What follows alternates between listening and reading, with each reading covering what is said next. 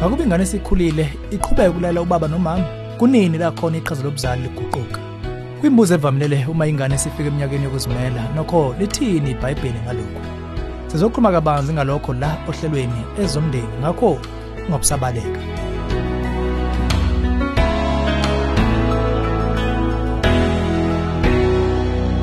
ngithatha ithuba ngokubingelele. Ezomndeni uhlelo ukulethela izeluleko eziphathekayo ngaba ka-focus on the family. Omnye wabalali bethu ube nombuzo ngegunya lobuzali. Ubuze kanje.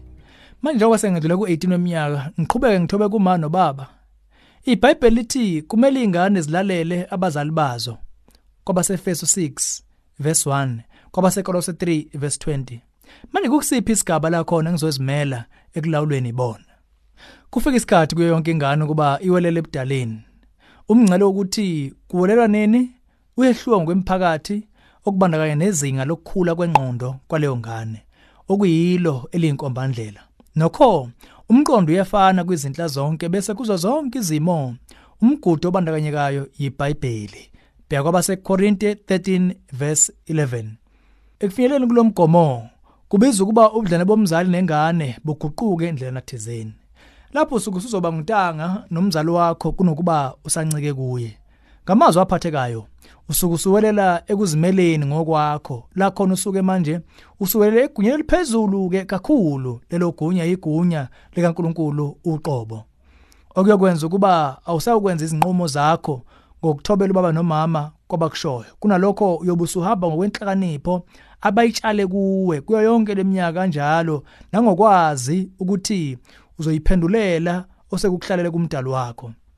Ngakube lokho manje kuchaza ukuthi songabalaxaza abazali ngokuphelele ulahle ifiso zabo ngawe imbono nezinkambiso zabo na? Lutho sanhlobo. Uma ngumKristu uyazazela ukuthi akukho sanhlobo la khona ugunyazeka kumphatha omunye umuntu ngongamhloniphi phezulu kwalokho njengontanga kamama nobaba wakho uqhubeka esimisweni sokuthoba kubo hayi njengabazali nje kodwa njengoluntu njengodadewenu nabafowenu kuKristu. Kwabasefeso 5 verse 21 kuyina bakaseFilip 2 verse 3 isimiso simile impilo yakho yonke. Kulowo mcabango asibuye sengeza ukuthi akukho sikali seminyaka esibekiwe ngokumelelo weBhayibheli ukwazisa abazali bakho. Exodus 20 verse 12 yazisa uyihlo nonyoko ukuze izinsuku zakho zibe zinde ezweni. Ukwazisa kukhomba ukukhetha inhlonipho nonakekelo komunye umuntu. Hayi ngokucindezeleka kodwa ngokomgomo wothando nasentshisekelweni eyiyo yokwenza okuhle emehlweni kaNkuluNkulu.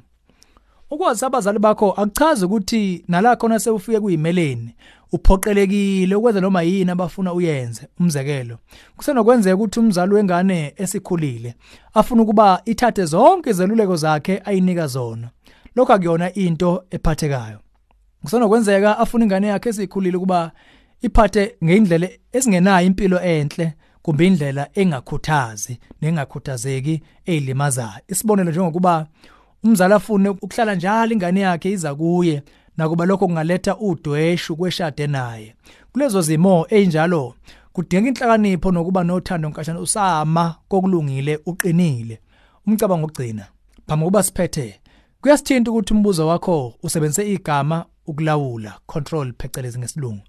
Imvamisa la kuba khona nodonsiswane ngolawulo phakathi komzali nezingane kusuke imvamisa kunenzika thizene ecashile ongabe ezokuhlonipha kumbe imingcele yomuntu. Hlehlehle besinganaba kabanzi kuba besinemniningwane ethe xaxa ngawe. Ngakuba usahlala ekhaya nabazali ngakuba usancike kubo ngezezimali ushadile noma ushadile kezathu thizene ezisobala impendulo zakho kulembuzo bezingasiphi isithombe ngesimo sakho ngokusemqoka?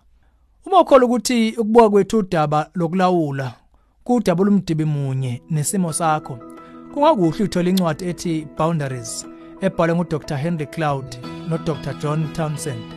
Ukuyithenga online yithi chofo ku safamily.co.za lolu hlelo ezomndeni ulethulelwe yifocus on the family sihlangabezwa ohlelweni oluzayo